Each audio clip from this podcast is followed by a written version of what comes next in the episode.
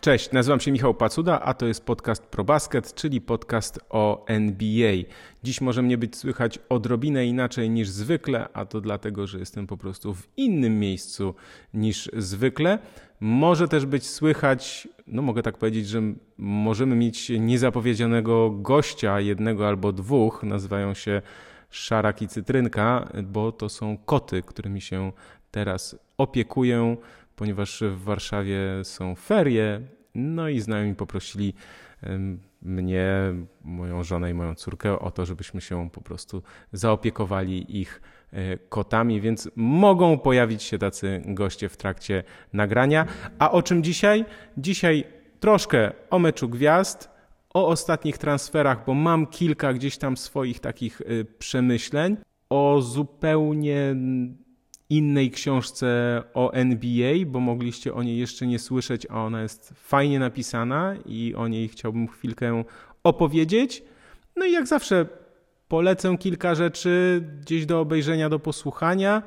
No i też odpowiem na takie pytanie, co to jest rezyliencja.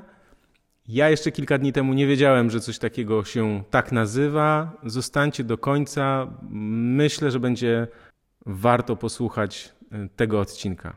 Zapraszam.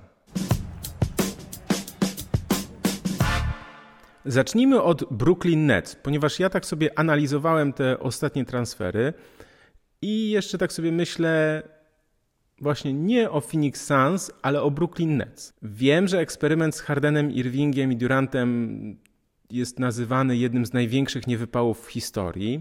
Okej, okay. ale ja tak się zastanawiam, bo wszędzie słyszę, że Nets zrobili całkiem niezły deal, bo mają teraz wielu dobrych zawodników, no ale nie mają gwiazdy, a w NBA przecież wygrywa się mając gwiazdy. Ja mam jednak takie pytanie: czy gwiazdą NBA nie może zostać Michael Bridges? Słuchajcie, to jest jego piąty sezon w NBA. Z każdym gra coraz lepiej. Nie opuścił jeszcze ani jednego meczu z powodu kontuzji. Za trzy punkty rzuca z blisko 40% skutecznością. Z osobistych ma ponad 80. W tym sezonie pod nieobecność Bookera był liderem drużyny. Potrafił zdobywać punkty, bardzo ważne, a do tego uznawany jest za jednego z najlepszych obrońców w NBA. Ja wiem, że ktoś może pomyśleć, że ja to mówię na fali tego, że on ostatnio rzucił 45 punktów, a wcześniej rzucił tylko 8 y, w swoim drugim meczu dla Brooklyn Nets, ale ten gość pokazuje od kilku lat, że może grać i gra na bardzo wysokim poziomie. Więc no, tak się zastanawiam, czy nie jest tak, że Bridges może sobie po prostu ten status gwiazdy, tego lidera, wyrwać. A jeśli Nets będą wygrywać, no to oni będą go traktować, znaczy oni, kibice i dziennikarze będą traktować lidera takiej drużyny bardzo, bardzo poważnie. Bo przecież jak y, spojrzymy na historię, na te ostatnie lata, to prawie każdy zawodnik NBA musiał sobie tę swoją pozycję wychodzić, wyrwać, stworzyć, wykreować. To wszystko zrobił swoją grą, każdy z nich. Bo gwiazdami od pierwszego dnia w NBA było naprawdę niewielu. Oczywiście, że wysokie numery draftu mają taki status na wejściu, ale i tak muszą sobie to wszystko wypracować i na to zapracować. Tak? Więc zobaczcie, nawet jeśli teraz spojrzymy na uczestników tegorocznego meczu gwiazd, to ponad połowa tych zawodników nie była od pierwszego dnia typowana do statusu gwiazdy. W ogóle wielu z nich było przeciętniakami, jednymi z wielu, z wielu zawodników. Nic nie zapowiadało się, że, że ci gracze będą aż tak dobrzy, żeby grać na poziomie meczu gwiazd. Zacznę może od Pola George'a, bo on bardzo powoli e, wchodził w, do gry na tym wysokim poziomie. W pierwszym sezonie rzucał 8 punktów, potem 12 w drugim, ale też Lauri Markkanen e, był skazywany na pożegnanie w ogóle z NBA. Ja wierzyłem w niego od samego początku i do samego końca, bo miałem poczucie, że to jest zawodnik, który po prostu musi w NBA trafić w odpowiedni system, w odpowiedni Mm, sposób grania, gdzie drużyna też jest dostosowana do niego jako ważnego gracza, a nie tak jak w Cleveland, że on gdzieś tam próbował wchodzić w, i wpasować się w grę zespołu, to, no to to nie wychodziło. Natomiast zobaczcie jeszcze na Jimmy'ego Butlera na przykład, który wprowadził przecież Miami Heat do, do wielkiego finału. w tym roku wiem, że on nie zagra w meczu gwiazd, ale przecież on zaczynał w Chicago od średniej, nie wiem, tam ponad dwa punkty chyba. Spędzał 8,5 minuty na boisku. W drugim y, rzucał chyba poniżej 10 punktów. Ktoś wtedy w ogóle mógł się spodziewać albo zastanawiał się, twierdził, że zawodnika wybranego z 30 numerem draftu będzie, no, jak to wielu uważa, taki kawał gracza, albo Pascal Siakam na przykład, słuchajcie, z Toronto Raptors. On był wybrany z 27 numerem. W pierwszym sezonie rzucał 4 punkty, w drugim sezonie 7. Albo Bam Adebayo, który też 14 numer draftu, tu sobie sprawdziłem, ale pierwsze dwa sezony średnia 7, a potem 9. To są rzeczy, które się zapomina i po prostu, no już, no co, Jimmy Butler, no jeden z, jedna z gwiazd NBA, Bama Debajo, jedna z gwiazd NBA. Nie mówimy oczywiście o tych superstars, czyli super gwiazdach, nie wiem, jak LeBron, Steph Curry czy, czy Kevin Durant, tak? Bo do, do tego miana właśnie gwiazdy, liderzy drużyn później aspirują, tak? Czyli powiedzmy sobie na przykład, że Devin Booker być może wejdzie na ten poziom za kilka lat, gdzie już za kilka lat i Kevin Durant, i Stephen Curry nie będą już tak dobrzy jak są, i tu będziemy mieli kolejnych zawodników, którzy będą aspirować do tego miana supergwiazdy. Ale supergwiazd jest tylko kilka, zawsze jest tylko kilka, więc jakby to zostawmy. A wróćmy jeszcze na przykład do takich zawodników y, jak Janis, którzy mieli potencjał i ciężko pracowali. Bugs go wzięli, ja teraz nie pamiętam, chyba z 13 albo 14 numerem draftu, bo czuli, że ten gracz ma potencjał. A wielu graczy, którzy dziś są liderami swoich drużyn, to oni to wszystko po prostu, słuchajcie, wychodzili i wypracowali. Nikt im tego nie dał na tacy. I już nie będę wymieniał dalej, ale moim zdaniem takich przykładów jest mnóstwo. No dobra, jeszcze jeden może. Drew Holiday. Teraz mm, sobie przypomniałem, bo to jest mój jeden z moich ulubionych zawodników. W pierwszym sezonie w Filadelfii średnia 8 punktów. Zresztą ja myślę, że to jest jeden z najbardziej niedocenianych zawodników w NBA i jeden z najlepszych e, obrońców. I teraz pytanie jest takie, czemu Michael Bridges nie może stać się liderem Nets, którzy będą dobrą drużyną? Nie, żeby nagle byli faworytem na wschodzie. To, to, to nie, aż tak to nie. Ale czemu na przykład nie mają być w pierwszej szóstce? Poza tym, jak spojrzycie na Brooklyn Nets, to kurczę, oni mają naprawdę bardzo dobry skład. Mają wielu dobrych zawodników. W zasadzie nie mają dziur, takich dziur, przez które na pewno się przegrywa. Więc no, ja się zastanawiam, czy to nie jest tak, że potrzebują po prostu czasu na nauczenie się wspólnej gry. No bo, no, no bo tak, no, doszło tam do rewolucji. Ale nie widzę powodu, czemu by Cam Johnson czy Spencer Dinwiddie nie mieli być w pewnych ważnych momentach E, no, kluczowymi zawodnikami, żeby zdobywać takie punkty na wygrane w playoffach. A gdyby jeszcze, słuchajcie, udało się pozbyć tego kontraktu Bena Simonsa, ja mu naprawdę szczerze współczuję. Mi się wydaje, że tam coś się stało psychicznego. Usłyszałem takie określenie, że, on, że to jest broken player, złamany gracz, czyli ktoś, kto po prostu no nie jest w stanie się podnieść po bardzo czymś silnym, ale to jest wszystko, to jest wszystko głowa u Bena Simonsa. To naprawdę, już dajmy mu spokój, ale jest to, to prawda, jest to najbardziej teraz przepłacany zawodnik w NBA. Nets mają ogromny problem, bo, no bo nikt nie weźmie kontraktu Simonsa. No chyba, żeby gdzieś tam za rok, żeby go może wykupić, jak oni by chcieli się pozbyć, to gdzieś pewnie musieliby jakieś wybory w drafcie oddać. No ale to, to będzie trudne. Natomiast jeśli chodzi o Nets, to ja sobie myślę, że mm, tam też została zbudowana ta, to się nazywa tak, e, kultura organizacji, którą Kevin Durant i Kyrie Irving bardzo mocno zakłócili, ale oni tam chcieli pójść właśnie z tego powodu, że Sean Marks i Joe Tsai, właściciel Nets, zbudowali, nazwijmy to, kulturę. Tu chodzi o taką organizację pracy, o atmosferę, o takie rzeczy, których nie widać trochę na papierze, ale które się czuje, jak się tam jest i jak się tam przebywa, dużo czasu, jak się spędza, to, to jest coś takiego, że, że czuć, że to miejsce tak samo z pracą, czy z jakimś, nie wiem, nawet z restauracją tak jest, jak się wchodzi, czy, mm, czy w jakieś inne miejsca. Wyczuwa się też pewną atmosferę i to, czy coś jest, działa dobrze, czy jest poukładane, czy ludzie są wobec siebie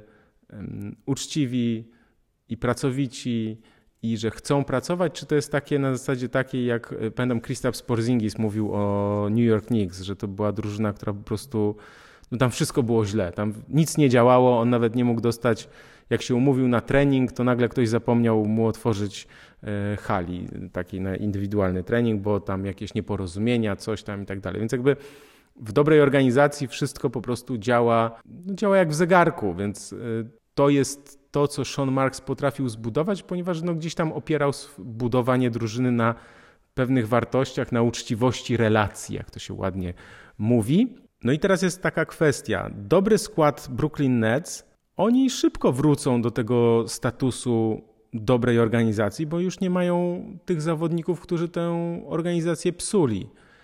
I teraz jest pytanie takie, czy nie pojawi się na rynku wolnych agentów, a może nawet nie na rynku, tylko gdzieś po prostu inny zawodnik z innego klubu powie po tym, jak jego drużyna przegra.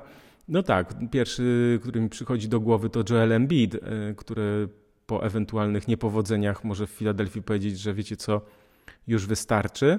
No ale to jest, to jest plotka, która gdzieś tam czasem się pojawia wśród amerykańskich dziennikarzy, ale już nie będę nie będę tutaj jej dalej może tak podbijał. W każdym razie może pojawić się po prostu zawodnik, gdzieś gwiazda NBA, która powie Brooklyn Nets mają naprawdę bardzo dobry skład. Jeśli tam pójdę, to naprawdę możemy dużo osiągnąć, bo jest dobra organizacja, dobry klub i bardzo dobrzy zawodnicy na praktycznie każdej pozycji. Ja wiem, że trochę popłynąłem i nie mówię, że tak na pewno będzie, bo ja znam tę zasadę w NBA i ja ją też powtarzałem od lat, bo dobra, najpierw powiem jaka to zasada. To znaczy chodzi o to, że nie wymienia się jednej gwiazdy na kilku dobrych zawodników. Amerykanie mówią, że e, jeden dolar to nie równa się czterem ćwiartkom, czyli e, tym 25-centówkom, czyli chodzi o to, że czterech zawodników dobrych to nie jest, nie dają w sumie tyle, co jeden bardzo dobry e, zawodnik. I tak, owszem, zgadzam się. Ale moim zdaniem przyszłość Nets wygląda naprawdę bardzo dobrze i potencjał jest ogromny. Jeśli będziecie obserwować jeszcze ten sezon, to zwróćcie na to uwagę, zwróćcie uwagę na grę Brooklyn Nets i to, jak oni będą się rozwijać w miarę tego upływu czasu, czy oni pójdą w górę, to mnie no to mnie po prostu bardzo ciekawi, jak to wszystko się poukłada, ale tu widzę naprawdę spory potencjał. Brooklyn Nets zajmują teraz piąte miejsce z bilansem 34-24 i ja naprawdę nie widzę powodu, dla którego oni mieliby wypaść poza szóstkę.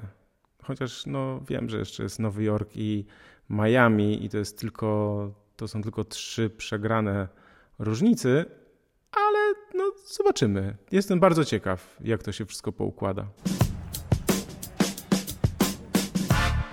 Jestem też bardzo ciekaw tego, co wydarzy się w Phoenix, bo wiele osób uważa, że przed awansem do finału NBA Phoenix Suns mogą zatrzymać tylko oni sami, to znaczy tylko kontuzje mogą im pokrzyżować plany. Zachód jest otwarty jak nigdy, powtarzam to od początku. Wiem, że to, jest, to się mówi, że pojawiło się okienko, to znaczy, że nie ma tego hegemona, tego domino, dominatora, więc pojawiło się okienko. Nowy właściciel Phoenix Suns postanowił wejść all in, oddał Bridgesa i Kama Johnsona. To naprawdę dobrzy zawodnicy i do tego jeszcze oddał cztery wybory w pierwszej rundzie draftu, co ja uważam, że było no, bardzo dużym ryzykiem, ale rozumiem też takie podejście, że no wchodzisz all in, czyli Durant, Booker i jeszcze Chris Paul, mistrzowie rzucania z półdystansu i dystansu, do tego jeszcze jest Ayton pod koszem.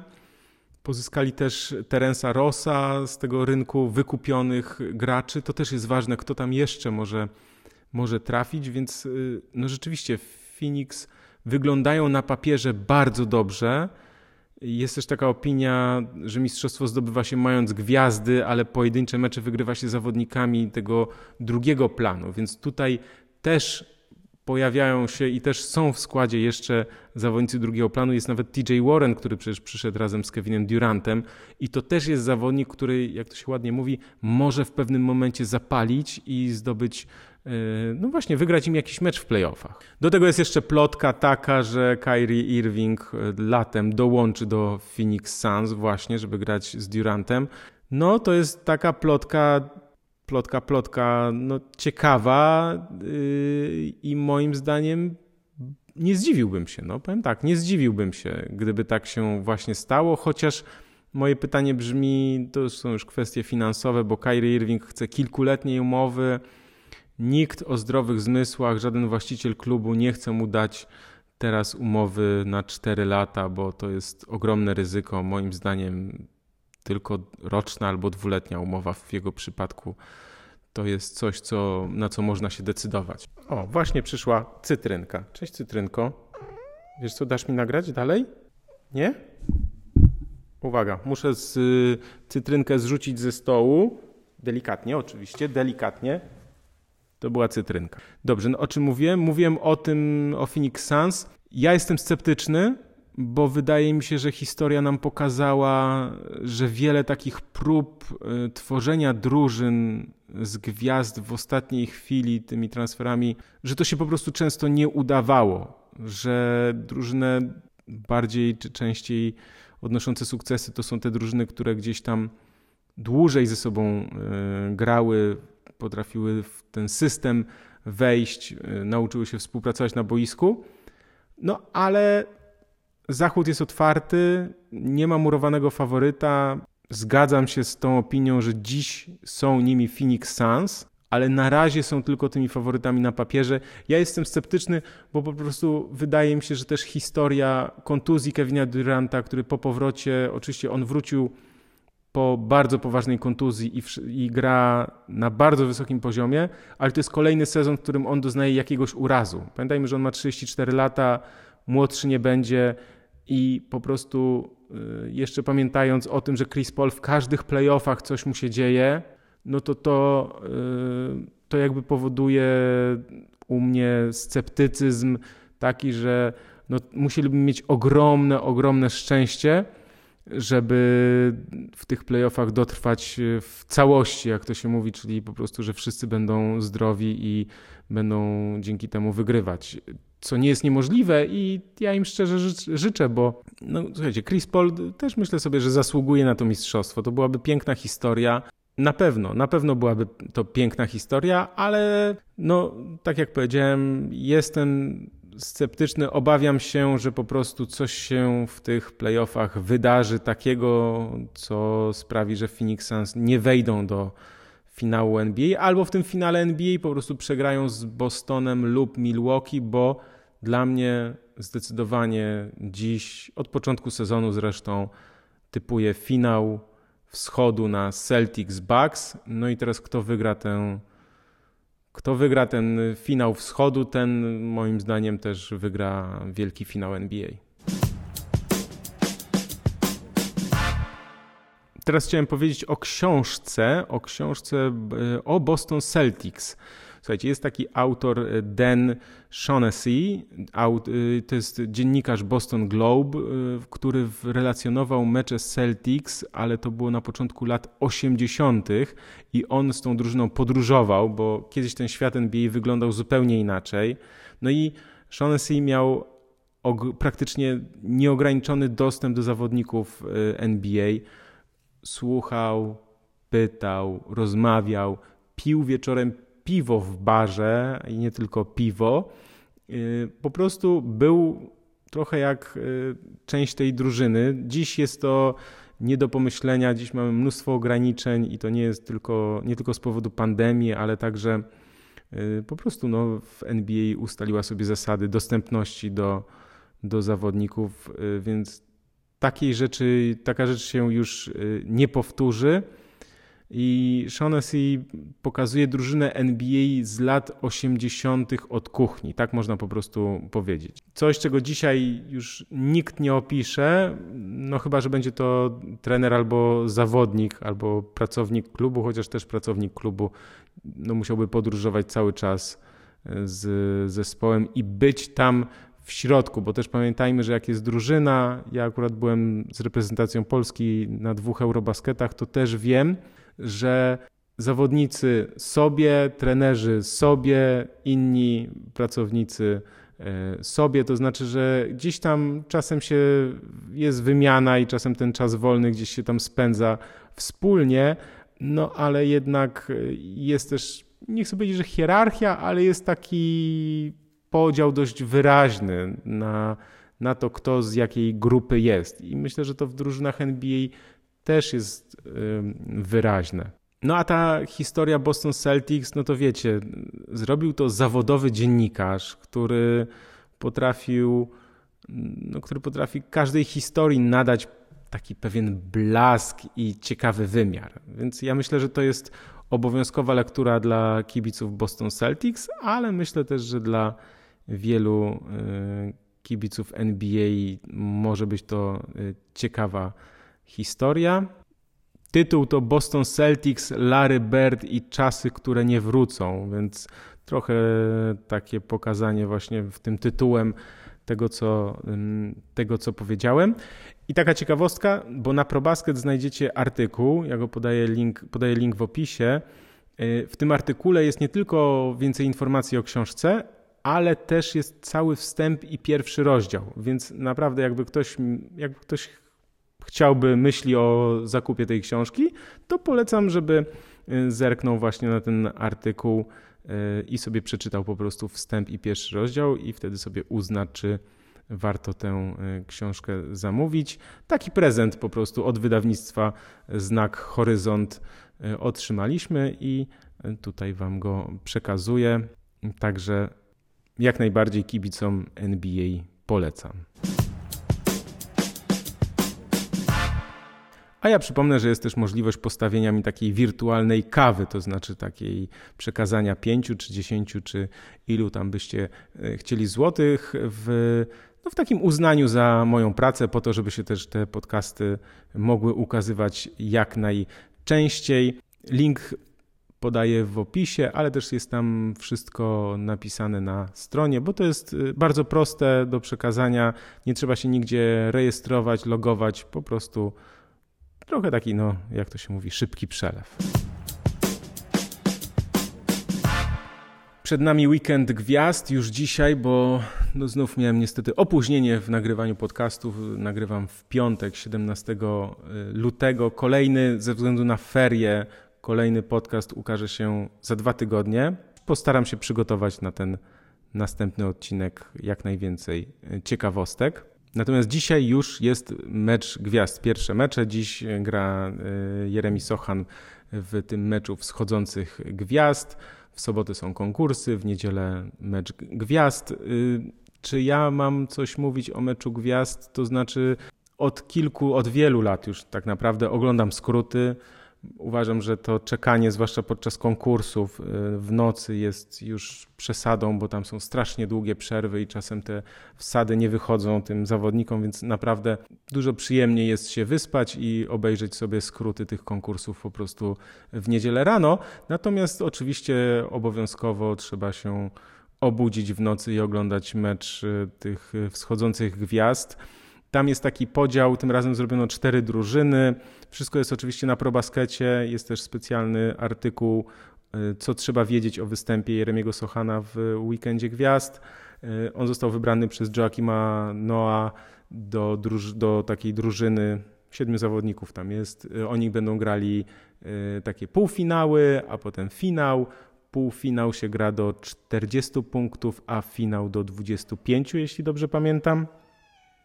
O, znowu cytrynka przyszła. Proszę bardzo, poczekajcie chwilę. Dla mnie ważna informacja jest taka, że Jeremy Sochan będzie grał razem z Joshem Gidim w, w jednej drużynie. Josh Giddy to jest jeden z moich ulubionych e, zawodników, takich po prostu, których lubię na nich patrzeć. No, swoim stylem gry powodują, wiecie jak to jest. Każdy ma swoich ulubionych graczy, to znaczy takich, których lubi oglądać. I dla mnie Josh Giddy jest takim świetnym przykładem takiego właśnie gracza, który gra taką po prostu bardzo ładną e, koszykówkę. Na ProBasket też znajdziecie ciekawostki o samym meczu gwiazd.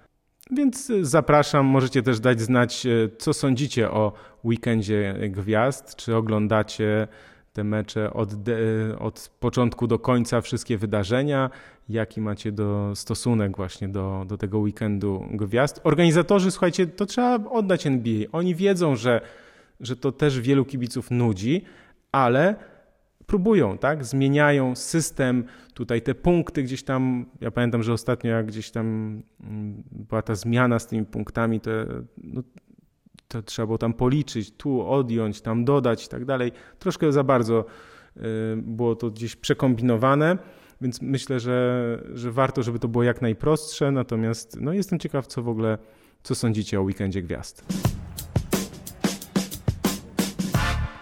Jeszcze chciałem powiedzieć o całkiem niezłej promocji Nike, oficjalnego sklepu Nike, ponieważ właśnie pojawiła się tam taka oferta.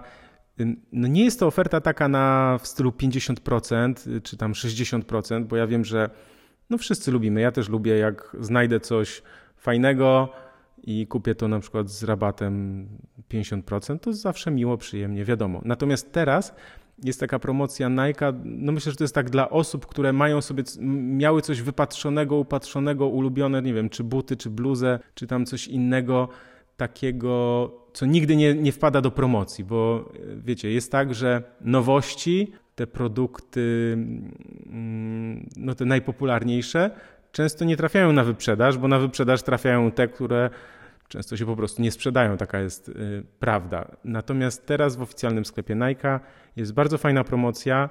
25% zniżki na te produkty, które nie były wcześniej przecenione, na mnóstwo nowości, mnóstwo butów. Y, jest naprawdę y, bardzo duży wybór, ponad 4000 produktów. Też odsyłam link do artykułu takiego o promocji, podaję w opisie. Trzeba wpisać kod, bo najważniejsza informacja jest taka: w koszyku trzeba wpisać kod i wtedy się te ceny zmienią. Dopiero wtedy się one y, zmienią. No i ważna jest taka rzecz, że muszą być co najmniej dwa produkty z tej listy, więc tak sobie Nike to wymyśliło. Moim zdaniem, jeśli ktoś ma wypatrzone, nie wiem, czy jakieś super buty, czy może po prostu coś, co zawsze chciał kupić, ale to nigdy nie trafiało na promocję, to naprawdę myślę, że warto, warto sprawdzić tę ofertę. Chciałbym też polecić Wam wywiad z Mike'iem Breenem, legendarnym komentatorem, który był gościem u JJ Redika. No, wywiad taki, jakby to powiedzieć, wywiad klasa, to znaczy wywiad z człowiekiem już doświadczonym, ale o takiej niesamowitej charyzmie. Ja uwielbiam Mike'a Brina. Ja czasem oglądam mecze tylko po to, żeby posłuchać jego komentarza. Ma taki też przyjemny, miły e, głos, ale też ma ogromną wiedzę, dobrą atmosferę do, taką w, e, nadaje tym, tym meczom, które komentuje. Wiadomo jeszcze, że jak on z Van Gandhim i z Markiem Jacksonem sobie dyskutują, jak transmitują, transmitowane są finały na przykład, no to ten komentarz jest po prostu z najwyższej półki, jak to się mówi. E, odsyłam, tam jest też fajny komentarz pod tym e, wywiadem. Teraz gdzieś tam z głowy powiem, że jak miło jest posłuchać dwóch dorosłych mężczyzn, którzy sobie nie przerywają i się nie kłócą. I to jest trochę tak, myślę, że przytyk do ESPN-u, gdzie sporo jest takich właśnie rozmów, wywiadów, też no, takie show robią, tak, że jeden mówi jedno, drugi mówi drugie i teraz dawaj, pokłócimy się. Więc te sprzeczki tam, ten Stephen, e, Stephen A. Smith, który krzyczy głośniej już się chyba nie da i tam nawet J.J. Reddick potrafi być właśnie gościem i on próbuje merytoryką, a tamten jakimiś takimi wrzutkami moim zdaniem bez sensu. Rozumiem, że to się sprzedaje, że to się ogląda, że to jest trochę jakaś tam forma rozrywki, natomiast no nie jest to moja ulubiona forma rozrywki. Ja o NBA lubię po prostu posłuchać no, takich im bardziej merytorycznych ludzi i też ciekawych, tak, z charyzmą, no to tym dla mnie, dla mnie to jest przyjemniejsze, a nie jakieś tam przepychanki, kłótnie i teraz będziemy sobie wypominać, a powiedziałeś to, a powiedziałeś tamto i tak dalej. To nie ma sensu. To znaczy nikt nie wie wszystkiego, każdy popełnia gdzieś błędy. często też analiza bywa zgubna, bo gdzieś coś się pominie, ominie i tak dalej. Natomiast merytoryczna, kulturalna dyskusja, no, zawsze miło się tego słucha. Na koniec chciałem Wam powiedzieć, opowiedzieć o tym, czym jest rezyliencja, ponieważ ja jeszcze kilka dni temu nie wiedziałem, że to, o czym myślałem, tak się właśnie nazywa, ale taka jest właśnie fachowa nazwa. Może nie będę tutaj wymyślał jakichś takich metafor czy jakichś głębszych, nie wiem, nawet żartów czy czegoś, nieważne. Powiem po prostu, co to jest i dlaczego to jest bardzo ważne w życiu koszykarza i też w życiu naszym. Więc rezyliencja to jest umiejętność lub proces dostosowywania się człowieka do zmieniających się warunków, adaptacja do otoczenia, uodparnianie się, plastyczność umysłu, zdolność do odzyskiwania utraconych lub osłabionych sił i odporność na działania szkodliwych czynników. Zdolność do regeneracji po urazach psychicznych. Czyli po prostu można powiedzieć kolokwialnie, że to jest odporność psychiczna, odporność na stres, ale też umiejętność radzenia sobie z tym, co się wydarza, bo ktoś może pomyśleć, że odporność to jest tylko taka tarcza, że ja tego nie przyjmuję, a to jest właśnie nie do końca tak, bo moim zdaniem to jest yy, też umiejętność, przede wszystkim umiejętność radzenia sobie z tym, co nam się przytrafia, co nam co nas spotyka. Jeszcze tutaj gdzieś sobie patrzyłem w definicję, że rezyliencja wynika z predyspozycji genetycznych i doświadczeń, może być też e, rozwijana, sprzyja jej optymizm i wsparcie społeczne. No i rezyliencja pomaga zapobiegać negatywnym skutkom stresu, sprzyja profilaktyce problemów psychicznych i chorób, wspiera też ogólne funkcjonowanie i dobrostan. Ja sobie o tym pomyślałem, po tym, jak zobaczyłem wywiad z Jeremim Sochanem dla tej stacji takiej lokalnej z Teksasu y, przed, przed ostatnim meczem, przed, przed meczem z Charlotte, bo tam dziennikarka, która jest no taka, ja ją znam w sensie z takiej mocnej strony, ona potrafi być ostra, też zadała Jeremiemu kilka takich no niełatwych pytań, ale naprawdę zachęcam Was do zwrócenia uwagi na jego reakcję i na jego podejście do tych spraw, bo wydaje mi się, że one są naprawdę naturalne i naprawdę y, takie po prostu, że no tak musiało być, tak się stało, to kolejne doświadczenie, idźmy dalej. Bo ja sobie tak myślę, że przecież każdemu zawodnikowi NBA przytrafia się mnóstwo różnych sytuacji, które no nie są łatwe, bo Jeremy Sochan właśnie trafił do Shakti Full po akcji, jak, po tym jak się tam potknął, przewrócił, pośliznął, powiedział, że oczywiście był odepchnięty przez Donowana Michela, nieważne. W każdym razie jest śmieszna sytuacja. No i wszyscy to widzieli, wszyscy o tym mówią i tak dalej. Natomiast on do tego podchodzi, no stało się, idziemy dalej, zabawnie, jest ok, że, że zwróćcie uwagę, że to nie wpływa na jego, jego samoocenę, to znaczy on siebie nie traktuje nie wiadomo jak na plus, ale też się nie dołuje, czyli nie traktuje się też na minus. Po prostu uważa, że takie rzeczy się zdarzają, że to są kolejne doświadczenia. Naprawdę zachęcam do obejrzenia tego e, wywiadu z nim, też wrzucę do niego link w opisie. Też e, polecam e, nieskromnie mm, wywiad, nie wywiad, taką rozmowę ze mną, ponieważ kilka dni temu byłem gościem w Onecie i też właśnie o tym mówiłem. Ja o tym mówię dlatego, że wydaje mi się, że te pewne cechy jego charakteru są dla wielu osób, yy, nie wiem czy, no, nie wiem, czy niezrozumiałe to, to, to jest złe słowo, ale są takim bardzo pozytywnym zaskoczeniem. To znaczy, wiele osób też mnie pyta, skąd to się bierze, jak to, jak to możliwe.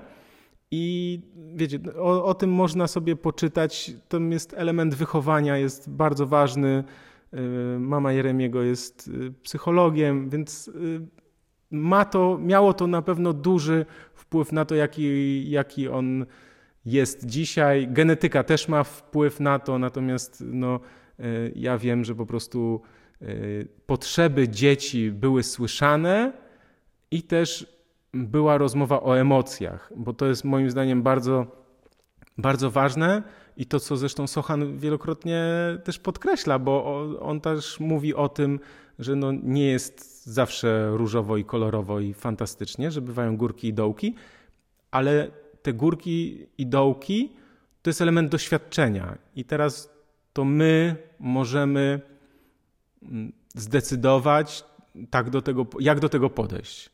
To znaczy, nie chodzi o to, że co nas nie zabije, to nas wzmocni, jakieś tam gadka w stylu właśnie jesteś zwycięzcą, albo nie wiem, że nic mnie nie rusza, jestem najlepszy i tak dalej. Nie, to, to skończmy z tym, jeśli ktoś w to wierzy, to, no to dostanie po tyłku niestety przez to od życia, dlatego że, że życie tak nie działa. To znaczy, że doświadczenie pokazuje nam wszystkim, że są górki i dołki, że my też, że każdy z nas doświadcza różnych stanów emocjonalnych, psychicznych.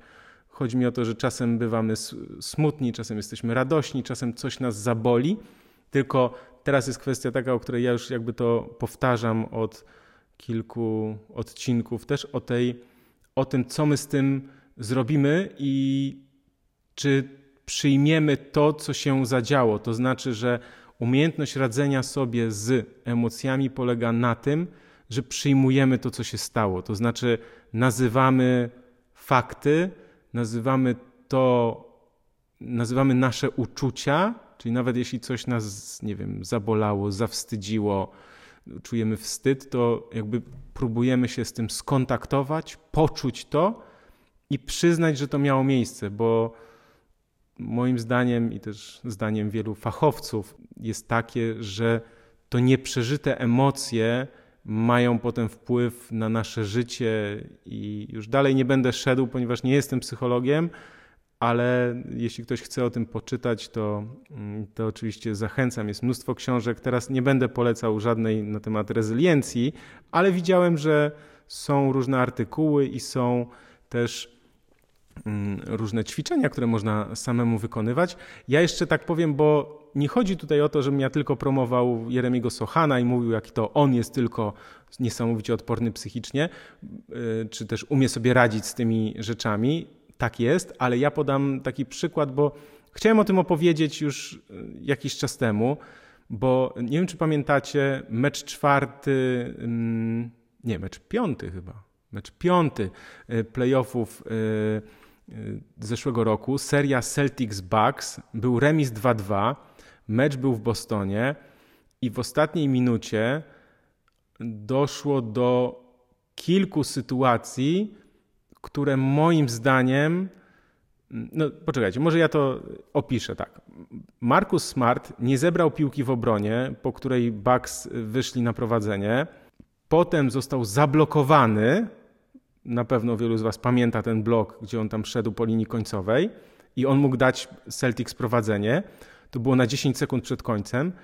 A na koniec, kiedy Bucks już prowadzili trzema punktami tam po rzutach wolnych, Smart wyprowadzał piłkę y, z własnej połowy i Drew Holiday mu ją wyrwał, to znaczy po prostu zrobił przechwyt. I Bucks wygrali i wyszli na prowadzenie 3-2.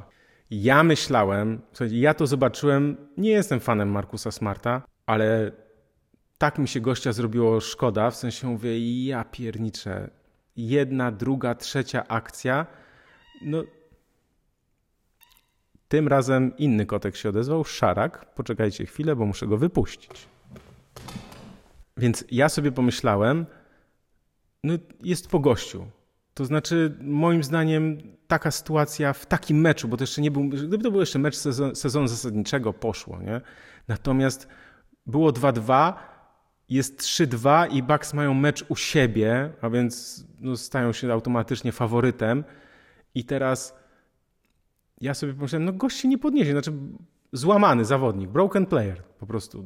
Natomiast on, ja wiem, oczywiście Jason Tatum tam rzucił wtedy 46 punktów, ale Smart zdobył 21 i nie miał żadnej straty.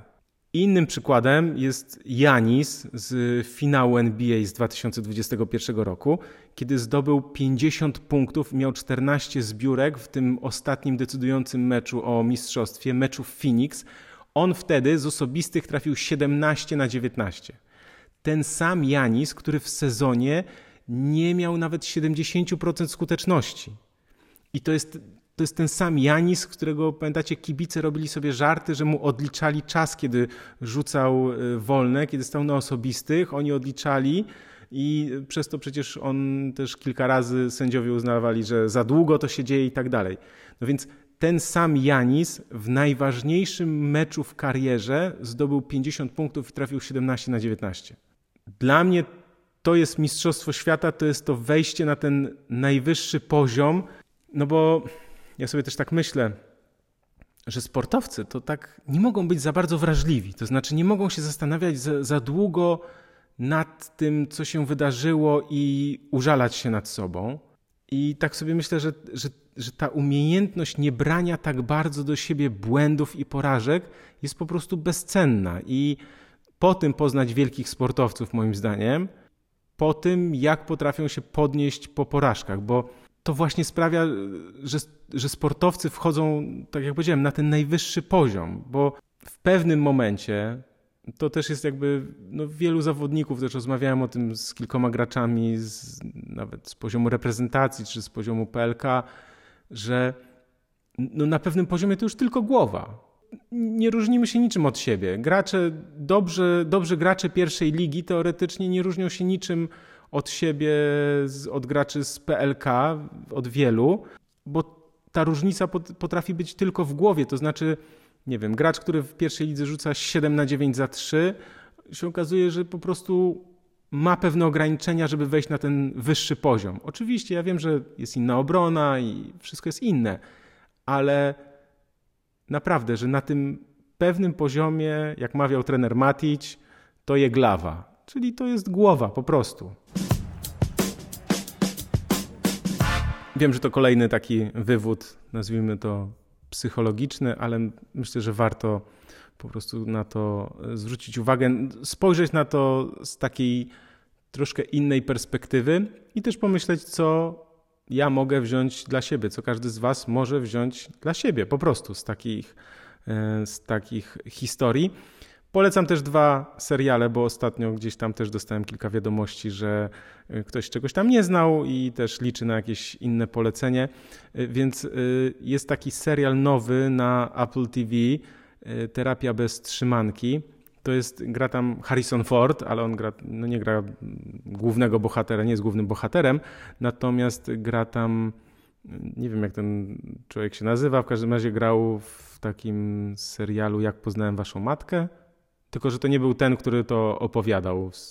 No, na, myślę, że ci, którzy wiedzą, to, to wiedzą, nieważne. W każdym razie polecam, nazywa się serial Terapia bez trzymanki. Y, naprawdę można się pośmiać.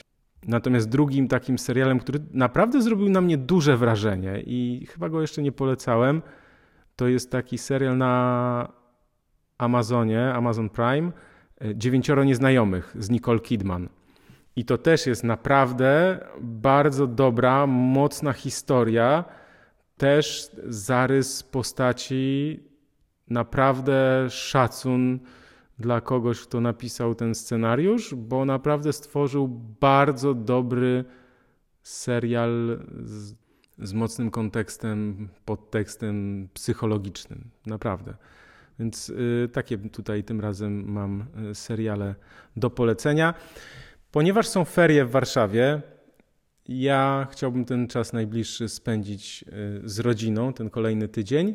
Dlatego zobaczymy się, czy usłyszymy się za dwa tygodnie, za dwa tygodnie, czyli 2 marca, w czwartek. Więc za tydzień ja spędzam czas e, z rodziną.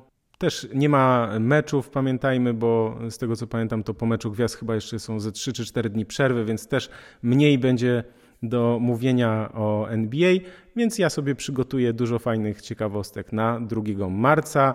Więc y, oczywiście przypominam o łapkach w górę, y, za które bardzo dziękuję.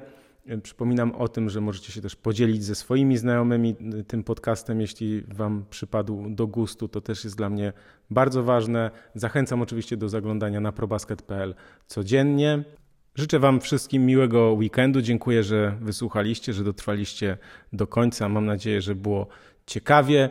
Jak zawsze można do mnie napisać, można do mnie napisać na maila redakcja małpaprobasket.pl, można też zostawić komentarz y, na YouTubie. Jeśli ktoś słucha, to może też, po, tak jak no, niektórzy to robią, bardzo dziękuję, doceniam, że słuchają na Spotify'u, ale też wbijają na YouTube'a, żeby dać łapkę w górę. Dziękuję.